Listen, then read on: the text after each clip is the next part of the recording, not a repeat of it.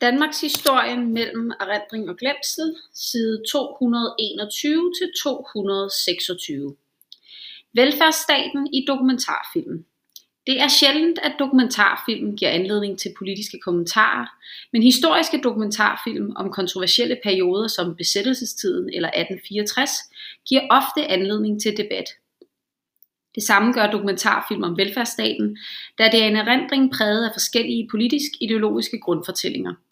I dette afsnit ser vi nærmere på følgende. Hvilken rolle spiller dokumentarfilm i dannelsen af erindringsfællesskaber, og hvordan skildrer brede Danmarks historie og velfærdsstatens historie? Historiske dokumentarfilm som kilde.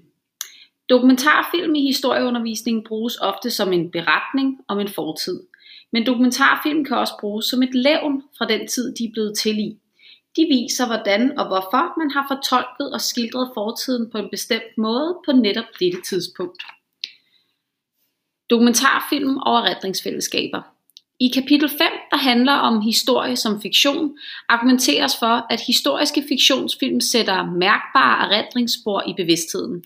Det kan være vanskeligt at huske elementer fra en almindelig undervisningsbog om besættelsen, men de fleste kan godt huske en scene fra en film, der spiller på følelser. For at få følelser i spil benytter dokumentargenren sig af virkemidler fra fiktionsgenren, såsom lyd, overlægningsmusik og klipning. Men modsat med fiktion har man en forventning om, at dokumentarer skildrer virkeligheden. Men dokumentarfilmen bærer ofte præg af herskende normer i samtiden samt producentens værdier og fortolkningshorisont. Den skotske filmproducent og filmteoretiker John Grierson mener, at det som kendetegner dokumentarfilm er den kreative bearbejdning af virkeligheden. For at gengive virkeligheden så troværdigt som muligt, siger man, at dokumentarfilm indeholder særlige autenticitetsmarkører.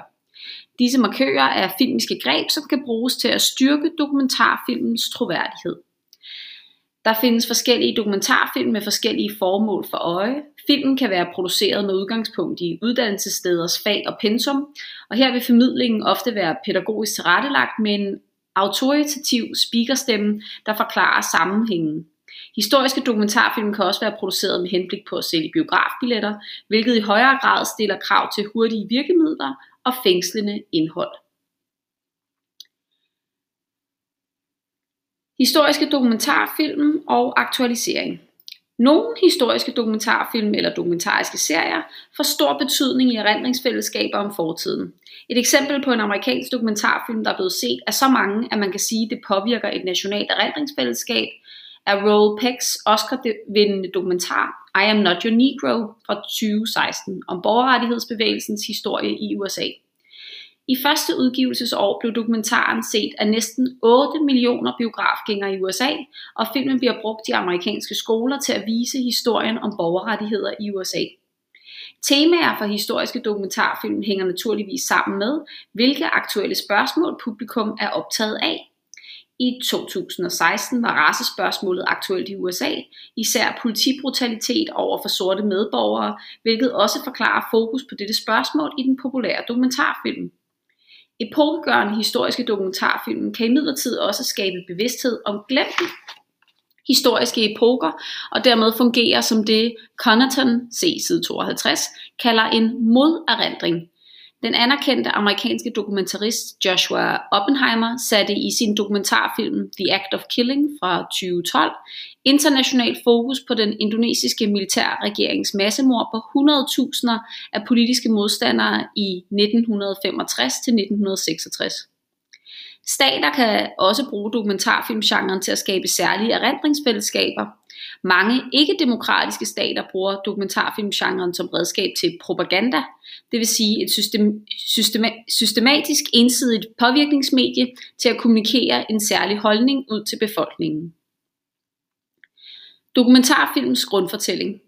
De fleste dokumentarfilm er formet som en fortælling med en begyndelse, en midte og en slutning.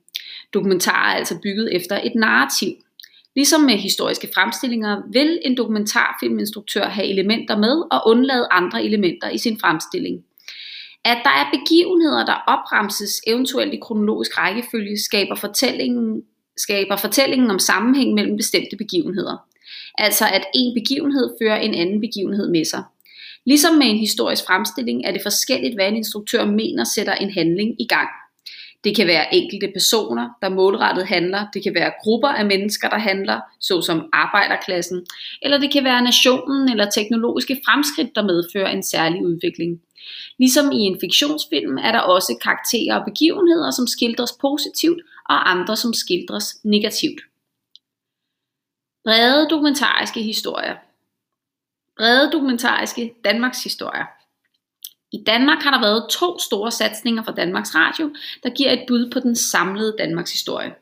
Produktionerne er interessante erindringshistoriske kilder til grundfortællinger om Danmarks historien, fordi begge historiske dokumentarserier giver et bud på en samlet fortælling om Danmarks historien, og fordi begge serier i deres eftertid er kommet ud til et meget bredt publikum af danskere, fordi de er blevet brugt meget i skolernes historieundervisning. Den første er Danmarks historie fra 1800 fra 1982, lavet af historikeren Erik Kjærskov, og den anden er DR's historien om Danmark fra 2017, der i gang satte stor debat, især om afsnit fra nyere tid om besættelsestiden og velfærdsstaten. I dokumentarserien fra 1982 følges Danmarks historie fra oldtid til 1945, mens den nyere Danmarks historie fra 2017 følger historien fra stenalder til nutid. Begge Danmarks historier er suppleret med bøger, der kan bruges i undervisningssammenhænge. Danmarks historien anno 1982. Danmarks historien fra 1982 er produceret i en tid, hvor DR havde dansk tv-monopol. Serien er et eksempel på en klassisk dokumentar, der doserer og fortolker. Tempoet er langsomt, og fokus er på historikerens forklaringer om, hvordan begivenhederne hænger sammen. De benyttede autenticitetsmarkører i dokumentaren er særligt historikeren Erik Kjærsgaard selv, liveoptagelser fra museer og arkivmateriale med voiceover. Fokus er især på den store historie, det vil sige konger og statsmændenes historie, med meget lille fokus på for eksempel kvinder, børn eller andre grupper uden for magtens centrum. Fokus i serien er det, som historikeren betegner som det nationale skæbnefællesskab. Det forhold, at der trods alt fortsat i verden er en lille plet, der hedder Danmark, hvor der lever 5 millioner mennesker, der taler samme sprog, og som har haft og stadig har den samme skæbne. Der er flere paralleller til internationale begivenheder, men det er tydeligt, at det er et Danmark adskilt fra andre dele af verden, og der sættes ikke spørgsmålstegn i forestillingen om det danske folks beståen og kontinuitet fra oldtiden til i samtiden. Velfærdsstatens historie i det afsnit, der handler om 1920-1945, tillægges Stavning en central rolle som velfærdsstaten ophavsmand og fremstilles som landsfaderen, der i modsætning til unge konservative og nazister samler landet. Erik Kjærskov er positivt indstillet over for velfærdsstatens begyndelse, i det han i afsnit 11 udtaler, det var etableringen af velfærdsstaten, det galt praktiske reformer, som ikke tilsigtede egentlig socialisme, men en omfordeling over skattebilletten af samfundets velstand. Et trygt samfund, der velvilligt ledsagede sine borgere fra vuggestuer til alderdomshjem. I skildringen af velfærdsstatens historie afspejler denne Danmarks historie på flere punkter den socialdemokratiske grundfortælling. At flere af velfærdsstatens afgørende forlig var brede forlig, udelades. Kanslergadeforlidet spiller en særlig rolle i Kjærsgaards fortælling om velfærdsstaten, og socialreformen, der var en del af Kanslergadeforlidet, gør ifølge Erik Kjærsgaard op med tidligere tiders nedladende og foragtelige fattighjælp. I 2017 lancerede Danmarks Radio et nyt bud på en samlet Danmarks historie. Historien om Danmark. Seriens sidste afsnit, Velfærd og kold krig, bagte især stor debat, nogle mente, at serien fortalte en lødig og neutral Danmarks historie, mens andre mente, at fortællingen var politisk farvet, og at Kjærsgaards Danmarks historien fra 1982 var meget bedre. Find arbejdsopgaver på bogens hjemmeside til, hvordan du selv kan analysere historien om Danmarks skildring af velfærdsstatens historie og den erindringspolitiske debat, der fulgte i kølvandet på serien. Dette var de sidste sider i øh, forløbet om velfærdsstatsbogen. Du er nu ude og gå en tur, man skal begynde at vende hjem af, fordi at vi skal tilbage og have undervisning. Tak fordi du lyttede med. Husk at dreje hovedet lidt rundt, så I får lidt sådan, kan mærke, at halsen den ligesom bliver sådan løsredet lidt. Sving armene lidt højt op, så der kommer lidt blod helt ud i fingerspidserne. Yes. Vi ses.